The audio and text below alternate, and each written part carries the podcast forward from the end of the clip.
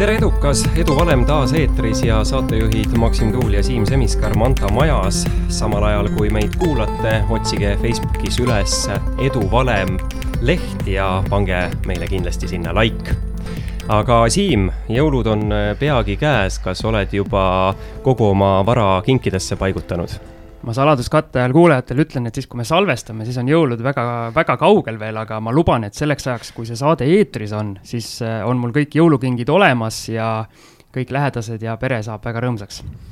väga tore, aga nüüd siis äh, tänase saate juurde ja mul on ääretult suur rõõm äh, tervitada tänast külalist ja seda vähemalt kolmel põhjusel sest kui keegi üldse eduvalemit teab, siis just äh, see mees, kes sisuliselt ongi Eestis edukuse sünonüümiks.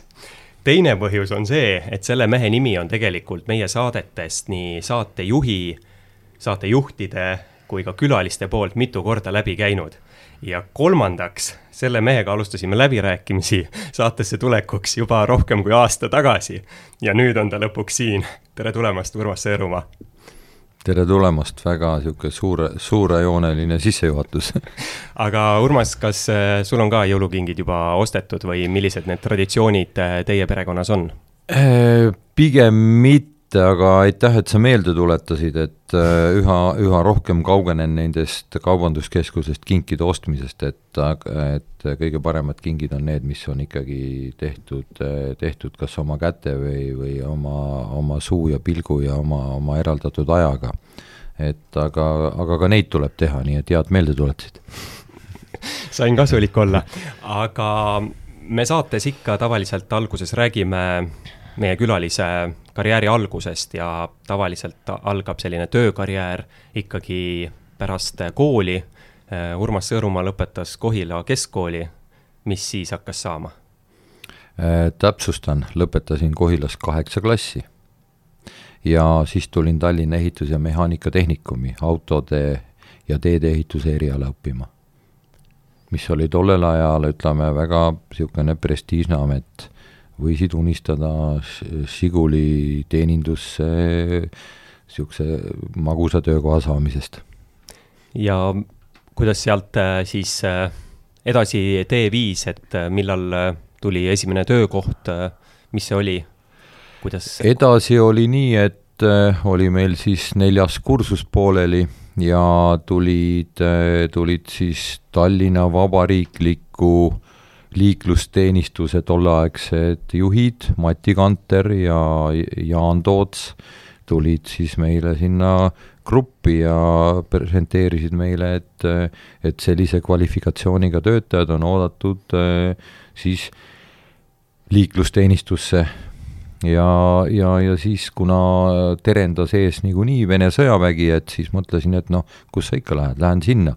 ja noh, loomulikult eks väike lootsus oli ka see, et tolleaegsed need liiklusteenistuse töötajad olid äh, siis militsionäärid ja et kui pagunid peal, et äkki see kuidagi kergendab sooja koha peale saamist a la Eestisse siis miilitsapataljoni või nii edasi.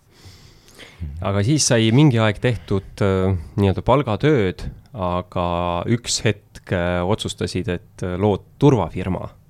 räägi võib-olla sellest protsessist, et kuidas need mõtted tulid, mm, kas oli lihtsalt soov turvafirma teha või palgatööst lahti saada või ku, kuidas see lähenemine oli? Äh, noh, natukene ma peaks seda vahepealset aega ka selgitama, et ja siis ma läksingi sinna, sinna nõndanimetatud siis liiklusjärelevalvesse, vabariiklikusse ja olümpiamängude ajal olin siis, kui veel vanemad inimesed mäletavad, olid siis helikopterid, kes siis lendasid teede kohal ja mõõtsid siis mingi maha märgitud äh, joonte vahel, siis võtsid stopperiga aega mõõtsid keskmist kiirust ja siis äh, lendasid kuhugi ette ja pidasid auto kinni ja siis tegid mingi protokolli ja nii edasi, et noh, mina, mina lendasin nende helikopteritega ka tollel ajal ringi, et noorel inimesel oli vahva. siis ja sattusingi, minu unistused selles mõttes on kõik täitunud, et ja sattusingi tegelikult Eestisse sõjaväkke ja sattusin spordiroodu siiasamasse Tallinna. ja ja hiljem siis spordiroodust jätkates oli siis selline miilitsa üksikdivisjon, mis valvas siis äh, vabariiki saabuvaid, turvas vabariiki saabuvaid siis võimalikke väliskülalisi nad olid, enamus olid küll siis Venemaalt tollel ajal ja ka siis kõiki neid hooneid, Toompea, Kadriorg ja igasugused muud residentsid ja, ja partei ja valitsuse hooned. ja sattusin ma sinna tegelikult äh, nagu sportlasena sporti tegema, aga noh, aeg ikka tingis seda, et olin ka mingit aega tööl ja, ja lõpuks pakuti siis juhtivat kohta ja ja nendel keerulistel üleminekuaegadel olin siis äh, Jaan Tootsi alluvuses, Jaan Tootsi ja Kalle Klandorfi alluvuses olin, olin siis äh, üks töötajatest, kes vastutas siis äh, hoonete valve ja, ja hiljem ka siis äh, tolleaegse Ülemnõukogu esimehe Arnold Rüütli siis isikliku turvalisuse eest. Et siis ütleme nii, et noh, ja töö, töö käigus oligi juba selline turvalisuse tagamine oligi ja. ülesanne, juba oli teada, kuidas see käib ja sealt siis äh, tekkis see ja, idee. ja siis äh, kõik need iseseisvustuuled, mis puhusid ja esimesed äh, väliskülalised, mis siis läänemaailmast Eestimaale tulid, nad kõige esimene elamiskoht oli just valminud Palassi hotellis kõigepealt nad asusid sinna elama ja siis hakkasid endale otsima teisi täiendavaid elamiskohti ja residentse ja, ja ametiruume, kus siis tööd teha ja nii edasi. ja mina vastutasin siis Palassi hotelli turvalisuse eest. ja, ja, ja siis need väliskülalised tulid minu käest küsima, et noh, kuidas ma tagan nüüd oma valitud elukoha valve või tagan oma oma siis valitud ametiruumide valve ja ausalt öeldes ütleme, et et äh, tolle, loomulikult ma pöördusin esimese hooga kohe tolleaegse valvekoondise poole, noh, see oli selline riiklik valvefirma, no sealt said sa tavalise siis nõukaaegse vastuse, et äh, eraldage meile raha, andke meile kuus kuud aega ja, ja siis ma tagan selle valve ka. ja no ma mõtlesin, no kuidas ma niisuguse jutuga lähen nüüd selle selle mingi Ameerika saatkonna mingi asjuri juurde või, või Prantsuse saatkonna mingi tegelase juurde, ütlen talle selle edasi, et no ma ei saa ju seda öelda no ja siis ma läksin, mõtlesin ise välja, ütlesin, et okei okay,, kus teie see hoone on, et ma teen selle homme ise ära. ja sealt hakkaski minu turvafirma pihta. nii et ma arvan, et ennem ma hakkasin tegelikult äh, tööd tegema, kui ma aru sain, mis see juriidiline isik üldse tähendab, mis asi see aktsiaselts on ja ja kuidas seal üldse toimima peab ja kuidas suhestub üks, üks aktsiaselts ja inimene üldse, et noh, kus see ühisosa on ja nii edasi, aga aga lõpuks on need paika loksunud et see taasiseseisvumise aeg oli selline hästi tormiline, nagu sa ise ka ütlesid.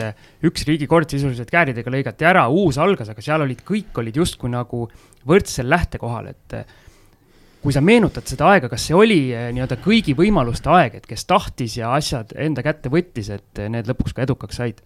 Äh, noh, jah, igasuguseid naljakaid situatsioone, tõepoolest no raske on öelda, kas kõigil on võrdsed või mitte või või miks üks inimene satub just näiteks Palassi hotelli või või miks üks inimene satub äh, Viru hotelli ette teksasid müüma või ostma ja miks, miks üks inimene satub Palassi hotellis näiteks taksoteenust osutama, noh. nägin ka oma käes, kus, kus inimene vaatab oma kilekotti miljoni rublaga ja ütleb, et tema eluunistus on täitunud, ta on miljonär kilekoti täis oli rublasid, pisarad jooksid.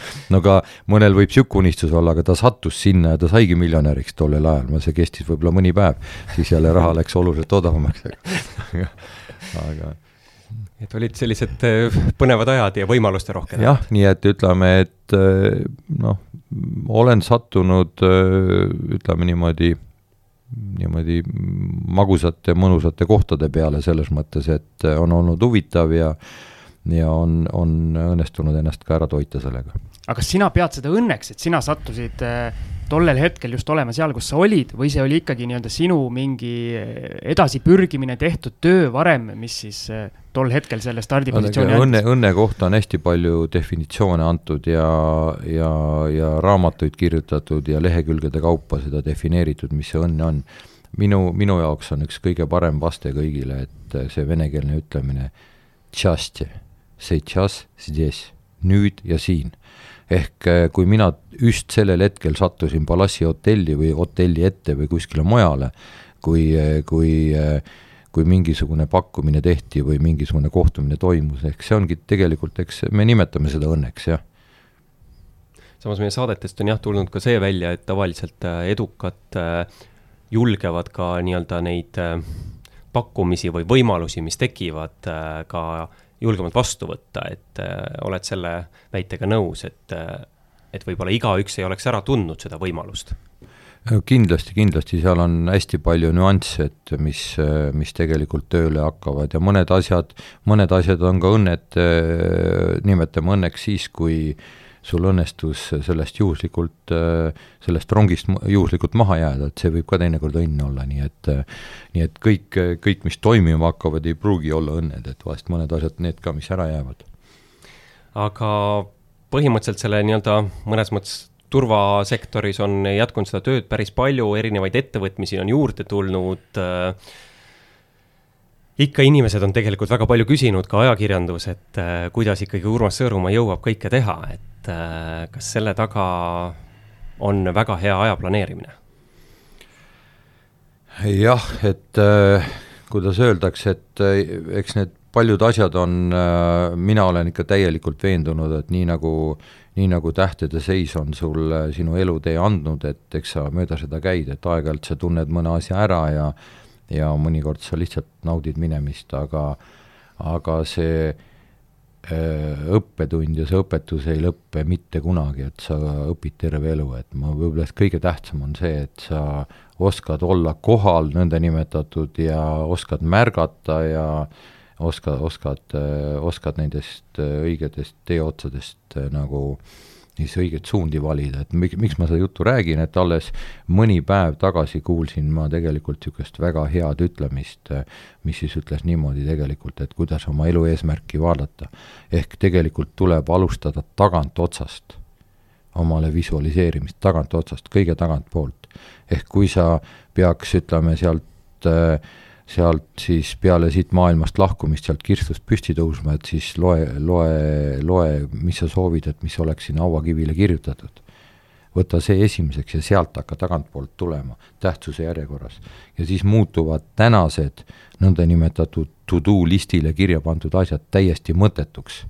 ja, ja kogu listi sa niikuinii jõua ära teha, aga proovi hoida seda suuremat fookust et, et, et noh, see on minu viimane õppetund, aga selleks on läinud võib-olla tänaseks juba ütleme, varsti pea kuuskümmend aastat aega.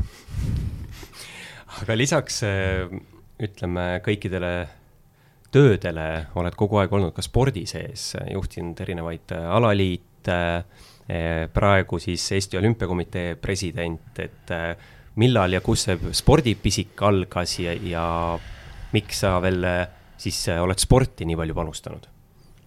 no spordipisik on olnud mul tegelikult kogu aeg, jah, õnneks ma ei ole sattunud äh, äh, võib-olla päris väikesest peast Tallinna kesklinna mõne tipptreeneri juurde, et ma oleks kindlasti olnud mõni väga hea, võimalik, et ka maailma tasemel sportlane, aga, aga ma täna ütlen, et õnneks ei ole nii läinud.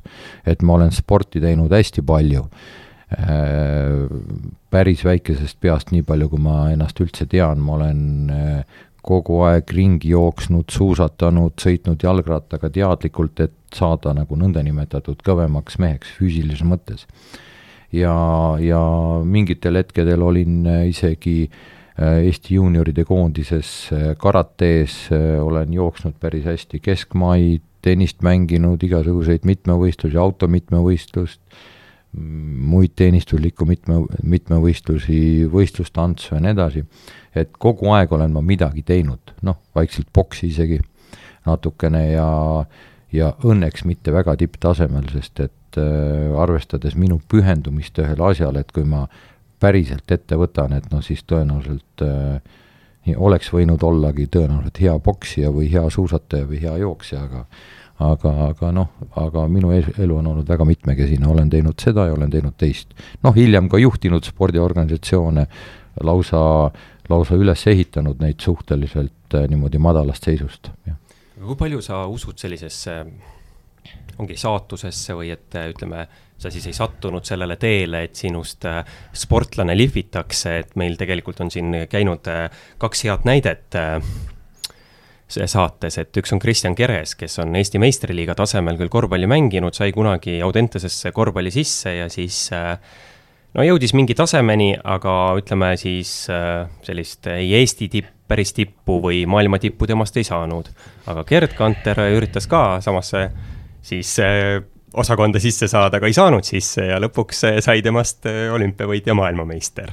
et sellised elu enda suunamised teatud hetkedel, et kui olulised need on ja kas, kas need on mingid ütleme siis saatuse jõud või tegelikult inimene ikkagi ise nagu on oma õnnesepp noh, me võime siin targutada ju kõikide nende võimalike suundade üle, et kui palju õnn ja kui palju saatus, ma arvan, et, et suuresti on siin see muster, mida me elame, kõik kirja pandud, et me, ma usun, et meil on võimalus seda mõjutada ja muuta, aga me suudame väga vähesed seda muuta. Et me ikkagi kordame ühtesid samuseid mustreid, käime, käime sarnaseid radu, aga, aga jah, ütleme, et mi-, mina usun, et meil on võimalus seda muuta, aga, aga vähe, kes seda suudavad selle sporditeemast sa ütlesid, et sinu pühendumiste arvates äh, oleks võinud sinust saada mingil spordialal maailma tipp, et äh, kas see pühendumine, kas see on üks edu valemi osa nii-öelda, et äh, pühendumisega jõuab kaugele? vaadake, mina armastan äh, öelda, öelda nagu selle pühendumise kohta seda, mida olevat vast äh, Valdo Pant öelnud, et äh, et noh, ma, ma, ma, ma panen selle tavaliselt sellisesse konteksti, et kõige alus on töö. tööga võid saada Eesti meistriks, piltlikult öeldes. Kui sul on veel annet, siis võid saada Euroopa meistriks. ja kui sul on õnne ka, siis võid saada maailmameistriks aga need anne ja õnn hakkavad alles siis toimima, kui töö on tehtud. nii et selles mõttes on ikkagi töö, kus kõige alus, et äh, ma ei usu, et äh, ühtegi, sündinud andekat äh, maailma parimana ei ole olemas, kui ta ei ole tööd ära teinud et sa tööandjana kindlasti oled näinud palju-palju erinevaid inimesi, et kas sellist töökust või pühendumist on võimalik õpetada või, või kuidagi inimesele kõrvalt sisendada?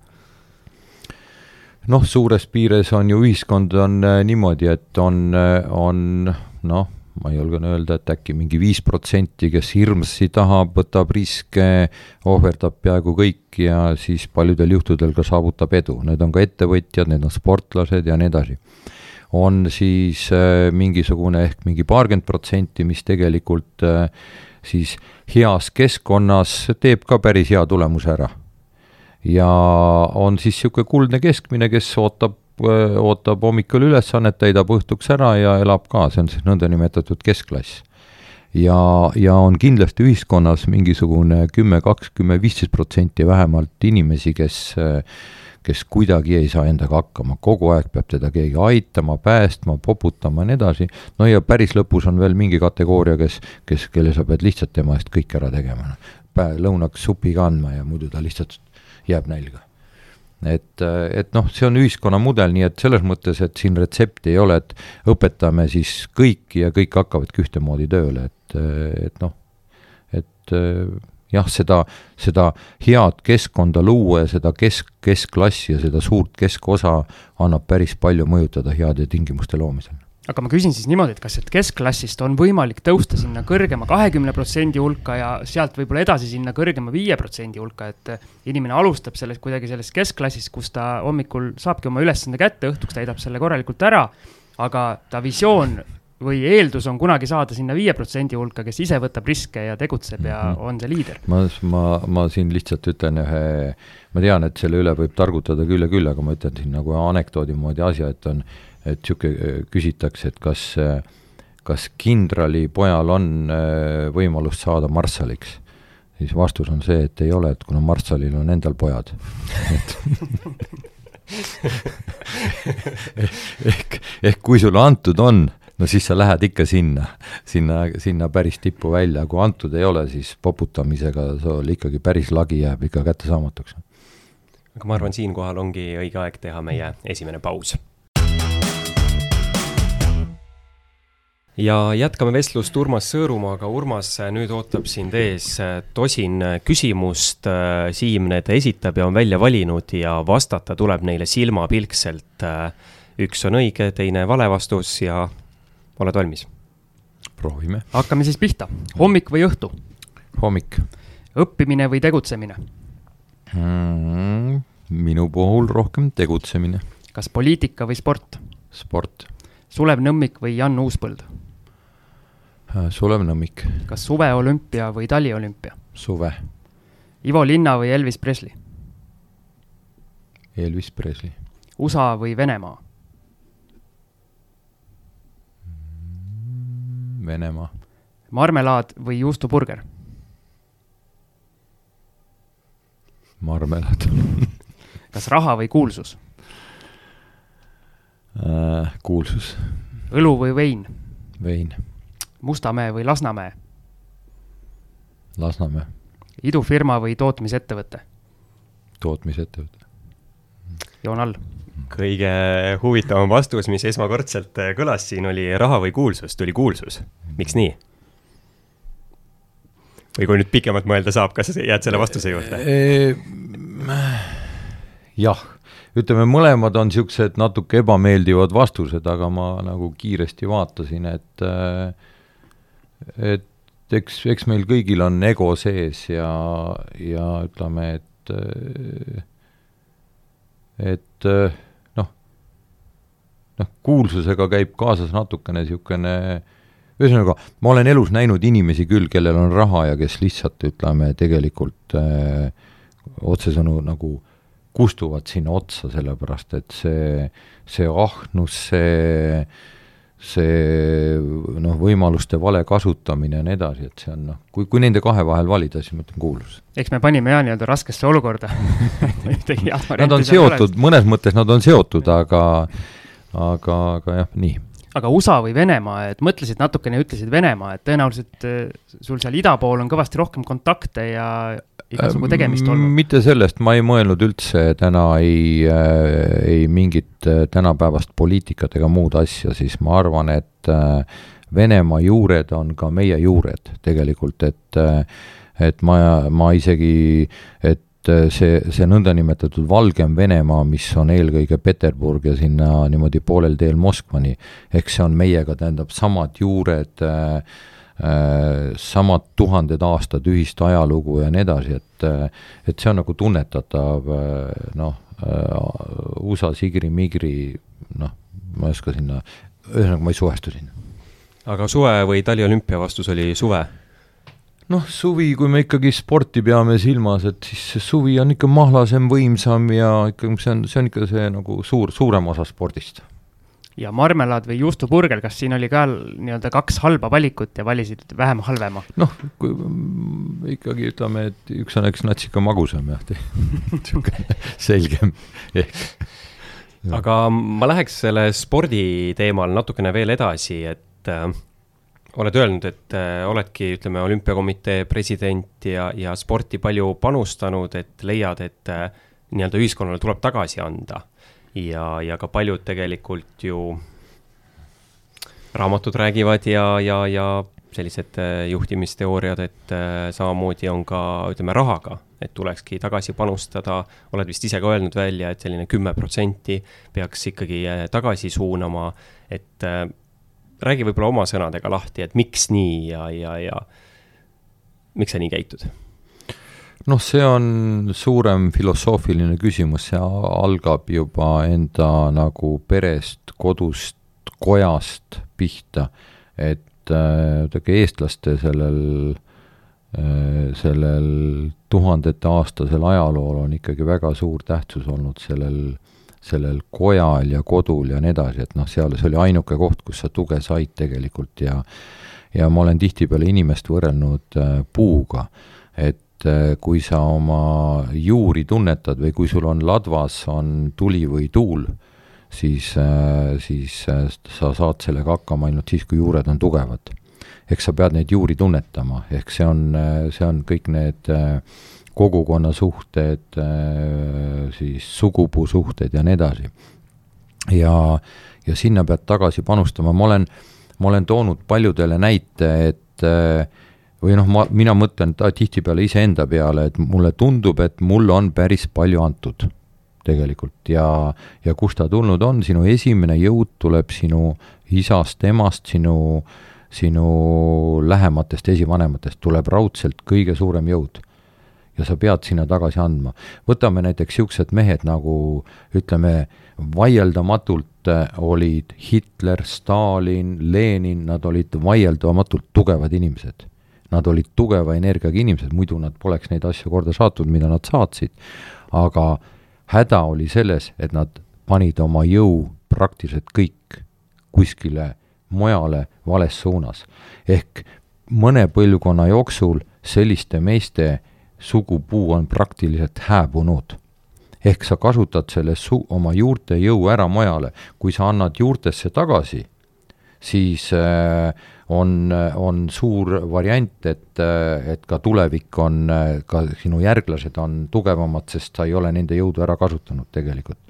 ja kui siin vaadata ühiskondi, kes siis on tegelikult traditsiooniliselt pikaajalised ja tugevad, siis nemad oskavad anda tagasi, võtame meie lähedalt kas või Rootsi. Äh, Rootsi kuningriik, sealsed, äh, sealsed kõiksugused eelnevate põlvede suhted ja nii edasi, muuseas ka Araabia maades on hästi tugevad nagu kogukondlikud ja perekondlikud ja niisugused suhted ja nad on elujõulised, nii et selles mõttes äh, Euroopa peab olema väga ettevaatlik tegelikult, sest et me oleme oma kogukondlikud ja need, nii et selle, selle, selle jõu oleme jätnud tegelikult nagu unarusse ja lohakile. Ja ja kuidas sa siis sinna tagasi annad? eelkõige läbi mäletamise, läbi mäletamise, läbi teatud panustamise ja, ja, ja see on nüüd ütleme nagu selline panustamine, kui minna nüüd ettevõtluse juurde tagasi, siis siis järgmine tasand on ühiskond, ühiskond, kus ma olen kasvanud, õppinud, teeninud, et eh, sinna tagasi anda kümme protsenti oma ajast, oma võimalustest, oma rahast kas või nii edasi, et, et nii ta on, nii võib minna ka ettevõtte tasandile tegelikult, et sa, sa ei peaks ettevõtet kokku kuivatama oma isikliku kasu saamise eesmärgil, vaid sa peaks ettevõttesse tagasi panustama ka ettevõtte nagu jätkusuutlikuks eh, nagu toimimiseks ja nii edasi, et see on see see on see peaaegu kõikides maailma äh, filosoofiates ja ka võtame kas või religioonides äh,, religioonides levinud niisugune kümnise teemi, teema, et noh, sa pead tagasi panustama. kui me siia jah, filosoofiat äh, religiooni juurde tulime, siis väga palju on ju tegelikult räägitud ka sellest, et Urmas Sõõrumaa käib vahepeal ikka pimedas ruumis. meil käis siin äh, mõni saade tagasi Kristjan Keres, kes äh, päris pimedas ruumis ei käi, äh, käis äh, Sri Lankal meditatsioonilaagris, kiitis, kuidas meeled puhastuvad, õpid ennast tundma. et mis tunne, ma lihtsalt oma sportlikust huvist nüüd küsin, et on olla ikkagi seal pimedas ruumis ja mis seal siis nagu meeltega toimub? eks äh nagu me eh, kuulnud oleme, et nii nagu sees, nii väljas, nii kuidas üleval, nii all, et küll valgus peitub pimeduses ja jõud peitub tühjuses või lõdvestamisoskuses ja nii edasi, mitte pingutamises, et, eh, et seal on aega enda sisse vaadata ja mina tõepoolest olin esimese korraga kolm nädalat ja ja kui minu käest äh, siis välja tulles pandi ka mingi, mingi jaapanlaste mingi televisioon oli, pani mulle mikrofoni nina alla ja küsis, et noh, kuidas kommenteerid, siis, siis mul tuli pauhti kuskilt, ütlesin täielik restart. nii füüsilises, psüühilises kui ka tõenäoliselt spirituaalses mõttes. et äh, füüsiliselt olin kaksteist kilo alla võtnud, kuna seal toimus ka spetsiaalne nagu selles mõttes niisugune kehapuhastus, niisugune äh, mm, toiming ja, ja psüühiliselt äh, ka ütleme, et noh, kõigepealt äh, esimesed paar päeva hirmud, kuigi oli sul võimalus ju uksest aknast välja joosta ja just veidi ennem oli, oli olnud ju Mehhiko kaevuritega niimoodi, et nad olid seal seitsmesaja meetri sügavusel vist umbes nelikümmend päeva, mingi nelikümmend inimest ja kõik nad said lõpuks tervelt ja elusalt välja. ja siis sa oled maa peal pimedas ruumis ja sul tekivad hirmud ja siis sa mõtled, et huvitav, mida nemad pidid läbi elama, kes täiesti lootusetus olukorras, väga kuumas keskkonnas, maa all, ja tulid ka elusalt välja, aga ikka mul tekib see hirm, no siis sa tegeled sellega, et no kust koha pealt see hirm tuleb, siis sul tegelikult ei ole ju mingit põhjust. ja, ja noh, ühesõnaga, seal on aega paljusid äh, mõtteid mõelda ja ja, ja noh, üks näide sellest, et äh, et siis sa jätad kuskile kellelegi mingit kohad, aadressid, telefoninumbrid, et kui mind ikka väga hädasti vaja läheb, et noh, te teate, kus mul mind siis ikka otsida ja nii edasi ja ja mingi, mingid päevad mõtlesid, et noh, kui ma nüüd välja lähen, et tõenäoliselt mingi kolm, kolm esimest päeva loen iPadi, et vaatan, mis siin maailmas toimunud on ja nii edasi. ja uskuge või mitte, teed iPadi lahti ja vaatad, esimene leht, mitte midagi ei ole muutunud mitte keegi pole mind tagasi, taga otsinud, mitte kellelgi ei ole mind vaja läinud ja paned plõksti kinni tagasi. ja see ongi tegelikult tõsi. kuidas me saaks selle tunde tuua iga päev, igasse päeva, et me ei olegi nii vajalikud, nagu me siin ise arvame. ja, ja siin maailmas ütleme, et nüüd mingi kuu ajaga ei muutu ka tegelikult suures pildis mitte midagi. kas sa oled suutnud ikkagi igapäevaellu ise tuua eh, seda sellist nagu meeltepuhastust, et ei olekski seda, et nüüd äh, iga päev läheb äh, nagu orav rattas, et äh, teed neid igapäevatoimetusi, aga selline nagu fookus, eneseteadlikkus, hetkes olemine kaob ära või kuidas sa seda hoiad? no ütleme, minu hea õpetaja Mantak Chia on ikkagi äh, öelnud, kor-, kordab kogu aeg oma loengutes ikkagi, et teadlikkuse eesavardumine järgi, teadlikkuse eesavardumine järgi. nii et see teadlikkus on iseenesest väga vajalik, aga eks mina olen ju samasugune inimene kui kõik muud, et üsna tihti leiad jälle ennast nagu orav rattas, et et aeg on läinud, päev on läinud äh, millega ma üldse tegelesin ja, ja, ja, ja kuidas edasi, et et noh, aga, aga see teadmine, et võib ka teistmoodi, on mul ikkagi olemas. nii et tihtipeale selle, sellised head kogemused, mis sa saad äh,, sa suudad neid, need toimivad heal juhul kuu-kaks ja siis oled sa oma argielus jälle tagasi. kui sa neid ei praktiseeri nagu pidevalt ja kogu aeg. aga ma tuleks nüüd äh, teemaga üldse teise kohta, ehk siis äh, küsiks äh, Urmas Sõõrumaa kui tööandja käest et äh, meil on siin äh, eduvalemi kuulajad, on inimesed, kes tahavad edukaks saada. et äh, kuidas Urmas Sõõrumaa hindab, et kes on see edupotentsiaaliga inimene, keda ta tööle võtab, loomulikult positsioonid on erinevad ja, ja nii edasi, aga võib-olla mingid sellised omadused? noh, ma ütleks, et pea kõikides inimestes on potentsiaali, kui nad teevad oma valitud tööd, ütleme siis südamega, kui nad pühendu-, pühendumisega oma tööd teevad. ma tegelikult isegi võib-olla küsin teistmoodi, et äh, ma ise siin äh, olen just äh, hiljuti töösuhte lõpetanud, et äh, kui ma nüüd äh, uut tööd otsin, tulen Urmas Sõõrumaa juurde ja siis äh, mis on nagu olulisem, et äh, kas, kui ma ütlen, et äh, mul on äh, seitse aastat äh, juhtimiskogemust, kakskümmend aastat töökogemust mm, -hmm. ehk siis selline nagu CV mm. -hmm. või ma ütlen, et äh, ma olen töökas, äh, järjepidev, mm, tulemusi saavutav meeskonnamängija. ehk siis sellised nagu pigem minu siis isikuomadused või on see midagi veel kolmandat? Äh, kindlasti see, mis sa teinud ja saavutanud oled, see on nagu väga tähtis, aga ikkagi ma teen sulle ära Hiina kalendri järgi maagilise ruudu, näen sealt esimese pildi, kas sa oled otsustaja tüüp, kas sa oled äh,, oskad pöörata pisiasjadele tähelepanu või oled sa pigem analüütik või või oled sa nagu niisugune nagu, on sul nagu õitsengujoon või oled sa äh, ütleme, et noh, mis sinu, mis sinu, mis sinu need jooned on ja, või oled sa areneja, kes areneb läbi õnnestumiste või ebaõnnestumiste ja nii edasi, et ja kui palju sul selgroogu on, et noh, see ütleb palju ära, aga, aga ei ole ühtegi halba asja, küsimus on, kuidas sa seal pusles nagu siis paigutud. et, et näiteks kui inimesel ei ole selgroogu, siis teda on tegelikult ohtlik panna kõige esimeseks juhiks keegi peab tema peal ikkagi selle selgroo hoidma.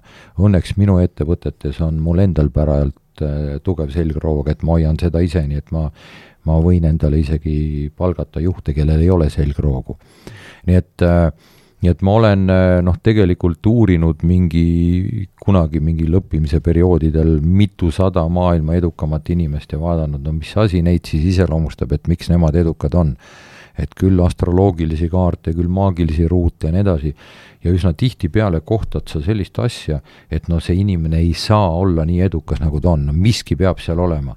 ja kui minu kätte langes siis niimoodi üks selline analüüs, kus oli siis äh, iga eduka inimesega niisugune lähem võitluskaaslane, kas ta oli nüüd niisugune väiksem, väiksem osalusega partner või pikaaegne tegevjuht või mingi selline, ja kui sa need kaks kõrvuti panid, siis sa said kohe aru, et ohoo, sealt see edu toimibki. ja ma ütlen, Eesti üks parimaid äh, äripaare on äh, tegelikult ütleme, Enn Pant ja Ain Antsmint.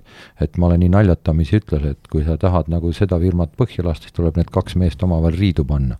aga nad tegelikult oma energeetilise olemusega täiendavad teineteist noh, peaaegu et ideaalselt noh et selles et... mõttes ikkagi siit siis korrub välja, et kui tahad edukaks saada, tuleb siis leida ikkagi äh, õige paariline mhm. või ikkagi selline lähiring? Äh, tähendab äh, jah, ma juba ennem nagu ütlesin, et äh, ei ole halba varianti olemas, ainult küsimus on, et äh, ku-, kuidas sa suhestud sellesse organisatsiooni, kes on su ülemus ja partner ja kui need asjad sobivad, siis on, siis on kõigil hästi, aga me ju küll oleme lugenud, et kus asjad on halvaks läinud, kuna alluva-ülema suhe või partnerite suhe kuidagi ei toimi ja ja nii edasi aga sina oled oma karjääri jooksul rohkem näinud eh, neid eh, nii-öelda sobivaid ja häid eh, koostöid või kooslusi või nigelaid kooslusi, kus sa näed, et see on ainult aja küsimus, millal see kõik plahvatab?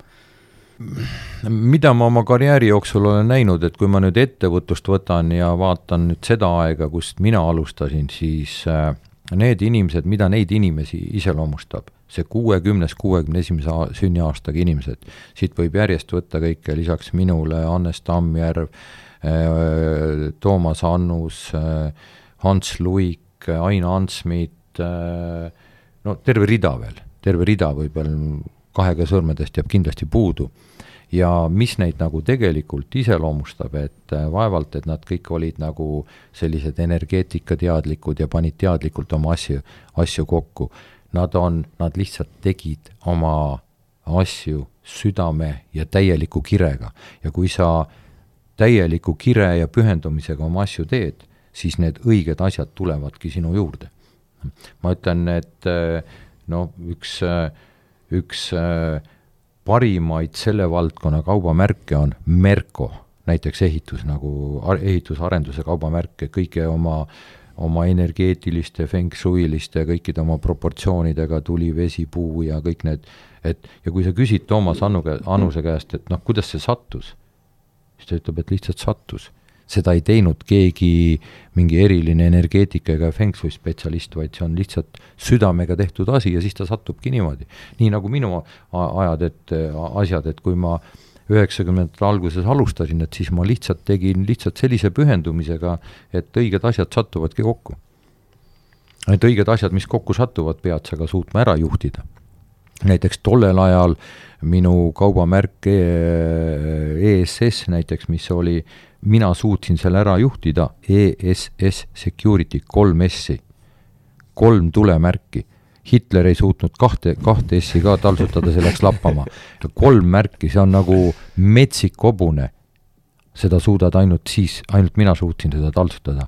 nii kui mina sealt nagu kaugemale läksin, nii need kombinatsioonid enam ei tööta.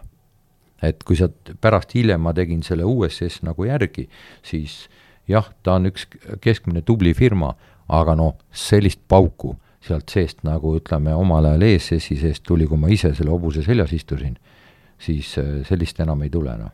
et noh, see kõik peab minema nii inimeste, märkidega, kõikidega kokku, nii et selles mõttes on see, ener-, energeetikamaailm huvitav, aga noh, ja ma juba siin korra juba ütlesin jah, et äh, südamest ja kirega tehtud asjad, siis tulevad õiged asjad teie juurde. ükskõik, mis tööd te teete, isegi kui te olete korjate siin prügikaste kokku või pühite tänavat, kui sa teed, seda teed kirega, uskuge, see on äh, see on, inimesed tulevad tänama, kui sa seda teed äh, äärmise vastumeelsusega, et näed, need raisad siin tead, sõidavad uhkete autodega, mina siin, no siis äh, kannatad ainult sina ise, mitte keegi teine. Aga ma tuleks veel korraks ikkagi tagasi sinna selle nii-öelda värbamise juurde või siis äh, jah, et töötaja arengu juurde, et ütlesid küll, et vaatad üle, et kuhu siis see inimene sobiks või mida ta teeks, aga kui me siin läbi edukuse oleme ikkagi rääkinud, et edukas, et tahab ikkagi saada juhiks ja nii edasi, olla eestvedaja, et mis on ikkagi need omadused, mida nee-, see inimene, kes tahab siis äh, olla meeskonnajuht äh, mingil juhtival töökohal, mis omadusi tema peaks arendama? Noh, ma ütleks ehk, ehk kõige, kõige suurem omadus on nagu oskus ja võime olla liider. sest et äh, kui sa oled ettevõtte esimene mees, siis tegelikult oled sa esimene müügimees, esimene teenindaja, esimene personalijuht ja nii edasi, kuigi sul võivad olla väga professionaalsed äh, vastava nimetatud valdkondade äh, nagu juhid, aga, aga liider saad sina olla seal ehk sa pead liider olema aga kas see kehtib, et need liidrid tõusevad nagu sellest grupist välja, et kui tuua spordi analoog näiteks, äh, ma ei tea, korvpalliväljakult, siis automaatselt mängu käigus ikkagi mingil hetkel tekivad need liidrid, kes ise tõstavad pead ja kellel see sees justkui olemas on? no täpselt see nii ongi, jah. jah, see, et öelda, et nüüd sina oled liider, on äh, noh, jah, päris lõpuni välja ei tule, kuigi, kuigi mul on äh, omal ka olnud treeningutest nii, et et mäletan, kui ma kunagi karatetreeningute algusaegadel, et saalis oli mingi, oli lähedale sadakond inimest oli ümber saali, suure saali rivis ja, ja siis ütleb äh, treener, kutsub näpuga sind enda juurde, et peale mõnekuust harjutamist, et Urmas, et täna vii sina soojendus läbi. siis uskuge, see kõik võrdub kümnekonna trenni eest. kui sa pead ennast kokku võtma ja teistele äh, hakkama liidriks, et äh,, et noh, et jah, midagi on võimalik õppida ka, aga, aga aga päris liider olla, et sul peab need omadused ikkagi olema. ja selline küsimus veel ka, et kui see liider nii-öelda kasvab sellest grupist ise välja, kas äh, on õige öelda, et siis see, see grupp võtab selle liid-, nii-öelda liidri ise ka omaks? vastupidi sellele, kui nüüd keegi määrab, et sina oled liider siis see grupp üldse ei, nagu ei pruugi seda aktsepteerida. no sinu kohta saab öelda liider ainult siis, kui grupp sind omaks võtab. muud, muudel juhtudel see ei tule, tule ju välja. Aga ma arvan, et nüüd teeme lühikese pausi veel ja siis hakkame rääkima rahast. ja oleme jõudnud meie saate viimase osa juurde. Urmas äh, sa oled olnud ikka seal rikaste topis sees, nii et kõige õigem inimene, kelle käest küsida raha kohta. ja mul on selles mõttes äh, rahale lähenemise küsimus. Et on äh, nagu mõned teooriad, mis siis ütlevad, et unusta raha ära, tegutse, tee, mis sulle meeldib ja küll siis raha tuleb järgi. siis on teine teooria, mis küll esimesega ei ole ka otseselt vastuolus, et äh, tunne ennast rahaga vabalt, räägi rahast, palju sul on, kuhu sa äh, annad ja ära nagu häbene raha. ja ma ei teagi, kas äh, peaks olema veel mingi kolmas lähenemine või kuidas sina suhtud rahasse? ega siin jälle äh, võib-olla niisugused, sellist ühtset valemit ei ole, aga aga minu meelest üks parimaid asju, mida üldse maailmas välja äh, mõeldud on, on raha kui ekvivalent. et tõesti, kui keegi tahtis oma, kunagi oma üle, üleliigset lehma sobiva hobuse vastu vahetada, et siis äh, siis äh, see vahe, vaheplatvorm oli vahepeal rahaks teha, siis oma hobust otsida, noh, lehm rahaks teha, hobust otsida, et et see päästis nagu ikkagi võib-olla paljudest sellistest, sellistest asjadest, aga nüüd äh, Äh, kuidas sellesse suhtuda, mina olen võtnud seda küll äh, täiel määral, et ma olen, ma olen sattunud äh, natuke taoismi ehk rohkem õppima kui midagi muud ja nemad nagu soovivad inimestele jõukust ja jõukust nagu igas mõttes, nad ei mõtle seal raha, nad jõukust tervise, laste, õnne ja sealhulgas raha mõttes. et, et põhimõtteliselt äh, Äh, raha peale mina näiteks ütleme, et äh, aeg-ajalt, kui sa mingit äh, pangale mingit aruannet või Exceli tabelit pead vaatama, et sa siis ikkagi nagu põhimõtteliselt mõtled raha peale, aga rohkem tegelikult mõtled äh, äh, suures plaanis ma mõtlen selle peale, et mulle on antud ütleme piltlikult öeldes, päris tugevad õlad, mulle on usaldatud päris palju, sealhulgas rahalisi vahendeid, nende kaudu inimestele töökohti luua ja nii edasi, ehk see on suur vastutus. ja sa pead selle sulle antud vastutusega tegelikult väga vastutustundlikult ringi käima. ehk, ehk sa pead seda jaotama, ehk sa pead kasu, käituma õiglaselt, võimalikult õiglaselt. ja, ja need momendid, kui ma olen elus hakanud liialt raha peale mõtlema ja hakanud juba lugema, et et noh, ma tuletan lihtsalt seda kaks tuhat seitse, kaks tuhat kaheksa meelde, et siin juba võimaldas äh, kor-, äh, sul nagu niimoodi arvutada, et siin kolmsada, kolmsada viiskümmend miljonit ja kui veel kakskümmend protsenti aastas, et siis varsti noor miljard juba paistab ja nii edasi. nii kui sa niisuguseid mõtteid mõtlema hakkasid, nii olid hopsti, said oma õppetunnid kohe kätte niisuguse näopesu, et oi-oi-oi, või näopeksu. et, et, et mina, mina võtan lihtsalt nii, et äh, mulle on antud, ma pean seda usaldust äh, õigustama ja ma pean võimalikult õiglaselt käituma ja sealjuures siis kõik need tagasiandmise äh, kümnised nii ühiskonda, oma kotta kui ka, kui ka kollektiivi ja nii edasi aga kas meie ühiskonnas nii-öelda raha ja rahast rääkimine on eh, liiga tabu, et inimesed ei taha kuidagi seda teemat üldse üles võtta?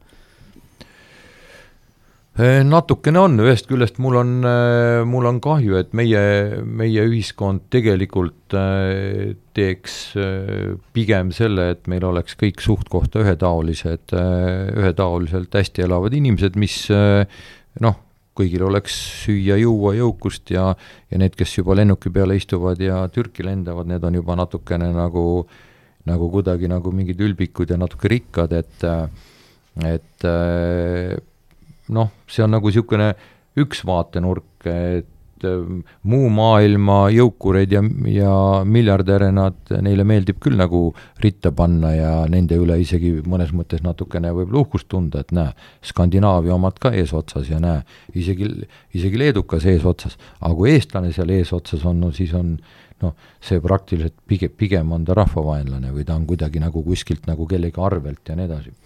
Et, et noh, üks niisugune mõte, mis aeg-ajalt peal, peas käib, et meie meie, meil võiks suhe olla nagu taanlastel Märskiga näiteks, et et Märskil läks nagu väga hästi, siis riik tuli, tema tuli riigile vastu, ehitas seal ooperiteatrid ja maksis makse rohkem ja kui tal tekkis maailmaturul raskusi, siis riik läks talle appi ja et noh, nagu et selline suhe tekib, et riik hakkaks uhkust tundma ka oma mitte ainult ooperilauljate, muusikute ja sportlaste edu üle maailmas, vaid ka ettevõtjate edu üle maailmas, et äh, et äh, seda, seda, seda ootaks natuke rohkem.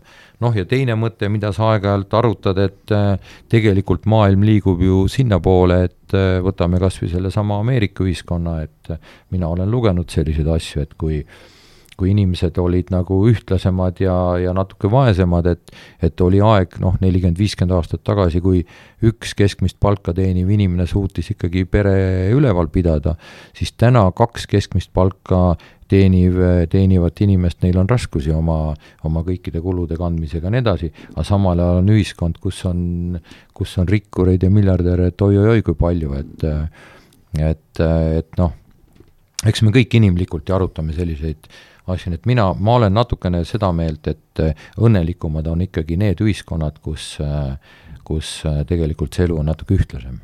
et, et on tugev keskklass ja ei ole äh, ei ole nii palju orienteeritud ainult selle edukuse ja, ja, ja selle peale, et, et noh, nagu ikka, nagu näemegi praegult, et ka viimane kriis või need kriisid, mis praegu on, jõukad saavad jõukamaks ja vaesemad vaesemaks, noh. ütleme, et äh, minu arust see on põhiküsimus. meil jooksevad varbad villi ju, ju selle äh, koroonahilm, hirmu külvamisega, aga sinna sissepoole ei ole, ei ole nagu oskust ega mahti kellelgi vaadata et inimene läheb õnnetumaks tegelikult. aga kui see ratas hakkab järjest nagu sinnapoole pöörama, et see ebavõrdsus suureneb, et äh, öeldakse, et äh, ühiskond siis kuidagi nii-öelda reguleerib, et äh, siin sajand tagasi olid need maailmasõjad, et need lõid jälle uuesti selle kaardipaki nii-öelda segamini. aga kuidas teha seda nii-öelda rahumeelsel moel, et meil siin Eestis ka see ebavõrdsus kogu aeg nagu ei suureneks? on mingit varianti üldse? Noh, ma ikkagi arvan, et äh, nagu ma ennem ütlesin, et on mingi osa ühiskonnast alati, keda sa lihtsalt pead üleval pidama. aga on suurem osa ühiskonnast, kes saab iseendaga hakkama, kui on loodud keskkond. ja, ja mina nagu põnevusega praegult ootan seda, et, et Eesti riigi, äh, riigi otsustajad täna kahmaks võimalikult palju neid, kõik need Euroopa, Maailmapanga abid ja, ja panustaks infrastruktuuri. on need teed, tänavad, trassid, koolid, huvikeskused, loomulikult spordihooned, võib-olla isegi peaaegu et kõige, kõige ees, kohe selgitan, miks, sest see on selle suure padu tervisejutu nagu lipulaev, et inimene saab liikuda, sporti teha. tehku need kõik valmis, et kui, kui inimesel, keskmist palka saaval inimesel on võimalik tunda ennast turvaliselt, liikuda turvaliselt, koolitada oma lapsi turvaliselt, siis need ühiskonnad on õnnelikud tegelikult. ja las mõned olla seal peal jõukamad, sest neil on tahtmist ja, ja, ja ütleme, et niimoodi võib-olla ka antud rohkem, et nad saavad seda, seda teha ja, ja siis on kindlasti osa ühiskonnast, mida me lihtsalt aitama, et nad ei pea kerjama, elama kuskil, kuskil osmikus ega kord päevas sooja sööki saama ja nii edasi, et aitame neid aga ma tuleks korraks äh, tagasi veel sinna kahe tuhande seitsmenda, kaheksanda aasta juurde mm, -hmm. mida mainisid, et äh, kuidas sa üldse tu tuled toime ikkagi selliste tagasilöökidega, et elus on küll läinud hästi ja toredaid hetki olnud ja nagu sa ütlesid, õnne või, või, või kuidas iganes me seda defineerime, on olnud palju, aga on ju olnud ka tugevaid tagasilööke, et kuidas nendega toime tuled? no kui kaks tuhat seitse, kaks tuhat, no noh, kaks tuhat kaheksa, üheksa eh, kriis algas, siis mul oli kohe selge, et eh, fantaasiat mul on kogu aeg jätkunud, et et eh, Eestis nende asjadega praegu välja ei vea, et põrutasin siis kiire moodi, ütleme niimoodi, suurele Venemaale ja ausalt öeldes julgen öelda, et minu, minu osalusel sai üles ehitatud Venemaa kaks suurimat turvafirmat. aga noh, nii palju mul hoidu ei olnud, et, et mingi eestlane nüüd äh, päevade lõpuni suudab endale pidada need turvafirmad enda kontrolli all.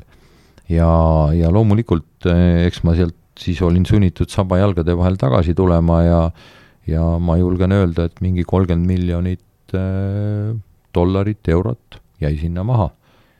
et, äh, et, äh, et see oli ehk mingi seitse, kuus-seitse aastat kõvat pühendumist, mis läks nagu väga hästi.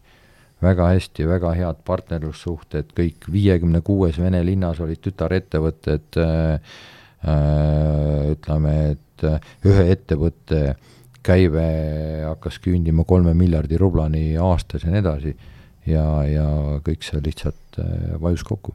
aga kas sa said siis kellegi jaoks liiga edukaks või äh, lihtsalt maa ja kõik muud asjaolud langesid kokku, sest alati on nii, et kui sa oled, äh, kui sa oled piisavalt suur, siis sa oled jalus. see on juba nagu nagu nagu nii, noh, nii nagu ma täna olen Eestis paljudes asjades nõndanimetatud ühiskonnale paha, siis lihtsalt, et sa oled liiga edukas see käib nagu asja juurde.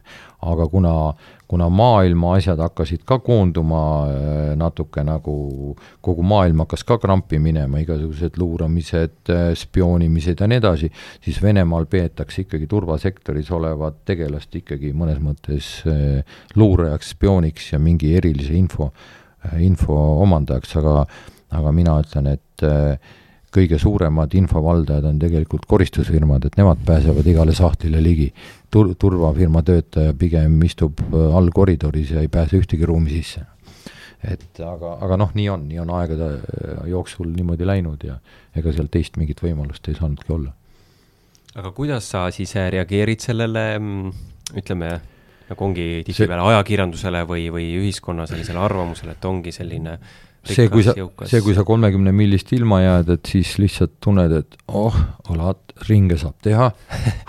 Oh, tänud loojale, et ta mulle niisugused, niisuguse turja on andnud, kes isegi sellise asja suudab välja kanda, et noh, ja edasi. Tundub tundub nagu kuidagi lihtne. no nii on ju, tunned, silmamunad, nagu ka lahkunud Eeri klass ütles, et hommikul silmamunad ringi käivad, siis on ju kõik korras, noh. ülejäänud on ju suhteline aga ikkagi veel, et äh, jah, et see oli siis see rahakaotus, äh, nii, õlad käivad ringi, teeme uuesti tööd, töötame üles, aga sellist nagu noh, pidevat ikkagi kerget survet või pahameelt, kui nagu tuleb, ütleme siis noh, läbi ajakirjanduse kas või, kui palju üldse loed selliseid kommentaare, kui on jälle et...? jah, et Tallinna koolide pealt, ütleme, kõik, kogu koolisüsteem ja. kannatab, kuidas Sõõr, Sõõrumaa seal miljardeid kokku paneb ja nii edasi, noh. noh, jah, mis sa siis ikka teed, et no ütleme, tihtipeale inimesed loevad kõik kulud kokku, aga ei võta, ei võta arvesse kogu aega, saamislugu, ütleme, kõike muud sinna juurde ja riske ja nii edasi et aga, aga noh, mis sa ikka teed, eks ma, eks ma püüan, püüan aru saada, et et noh, lihtsalt ütleme, iga inimene saab ju ainult ju kommenteerida seda valgust, mis ju tema akendest sisse paistab ja mis nurga all ja palju seda paistab, noh, ei ole minu hinnata. Aga kas Eesti inimene on ka selline, kes tuleb sulle näost näkku midagi ütlema või nad ikkagi teevad selle interneti kommentaariumi lahti, kirjutavad sinna anonüümselt midagi ja siis on endaga rahul? no pigem anonüümselt, ma ei ole ühtegi inimest näinud, et kes on mulle tulnud midagi halvasti ütlema. no see võiks olla suhtarvuga võib-olla sajast üks, üheksakümmend üheksa tuleb, tahab, tahab juttu rääkida, teemat vesta ja tunnustada ja nii edasi. üks siis võib-olla natukene juriseb midagi, aga aga need on need ana-, anonüümsed äh, niimoodi torkijad aga noh, neid tuleb ka mõista, sest kui neil seda võimalust ei oleks, et et neil võib-olla noh, ütleme siis, siis, siis see nende pahameel võib-olla kuidagi pritsib koduste arvel välja või nii edasi, et noh, mina, ma lasen selle nagu endast mööda, ehk põhimõtteliselt ma neid kommentaare ei loegi.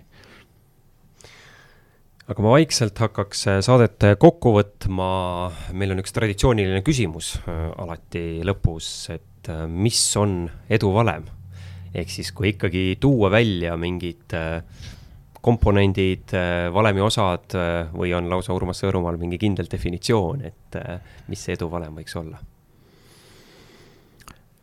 ma arvan, et ühtset valemit tegelikult ei ole, ole, noh, ma käin ise ka üsna, üsna palju olen käinud erinevatel seminaridel ja siis on ikka tihtipeale küsitud, et et eh, noh, mis on sinu taotlus või eesmärk ja nii edasi, siis hästi paljud inimesed panevad ikka niimoodi suhteliselt nagu konkreetse eesmärgi. mina püüan hoiduda. minu eesmärk on olla valmis kõigeks.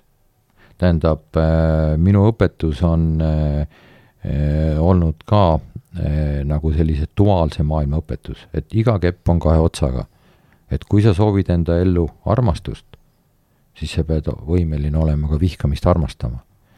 ja kui sa noh, ka näiteks kui sa näed, et siin ühiskonnas keegi käitub nii ja nii, no ükskõik, kas, kas või viimasel ajal, ükskõik, on need valitsuse teemad või või Ameerika valimiste kommenteerimise teemad või nii edasi, siis vaatad imestusega, mis toimub teie sees, kellele see nii korda läheb, kes, kes selliste sõnadega seda kommenteerima peavad et mis sinu enda sees siis toimub.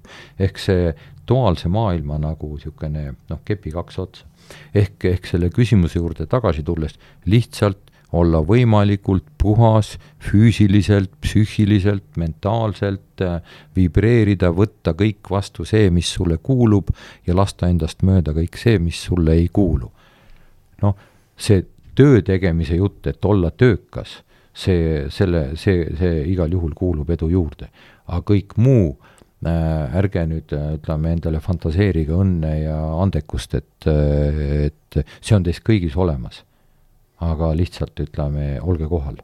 olge kohal, olge enda sees, mitte oma mõtetega kuskil kaugel. mida kaugemale te lähete, noh näiteks a la, et kui ma soovin enda ellu suurt armastust, mida kaugemalt ma seda otsin, seda kaugemale ta läheb, ehk seda suuremaks läheb tegelikult see vihkamine minu sees, ehk see miinuspool, mida ma ei taha tunnistada, eitan, aga otsin kaugemalt, seda vähem te leiate. mida soovivad taoistid või hiinlased? Nemad ei soovi armastust, nemad soovivad harmooniat, ehk see on see keskpunkt nende plussi ja miinuse vahel. mina veel küsiks siia lõppu, et kuuskümmend eluaastat paistab sul, et äh, kas Urmas Sõõrumaa mingil hetkel jääb ka nii-öelda pensionile ja nagu taandub oma tegevustest või sina paned äh, kuni lõpuni. lõpuni välja? kuni lõpuni, miks, kuhu ma taanduma pean, noh, ma olen nagu, elan, naudin, noh, nii palju kui antud on. et nii-öelda suured, suured või suuremad tegemised ootavad sind veel ees, ma saan aru? noh, kindlasti suured tegevused, jah aga mul tekkis siin veel eelmise vastusega üks küsimus, et äh, valemit ei saanud valemit päris ei saanud, aga see, et pole ju olemas. ütlesid, et võtad vastu, äh, mõned asjad tasub läbi lasta, et kuidas ikkagi ära tunda, et mis on sinu jaoks õige, et valikud, et siin tihti räägitakse, noh, pane plussid-miinused kirja.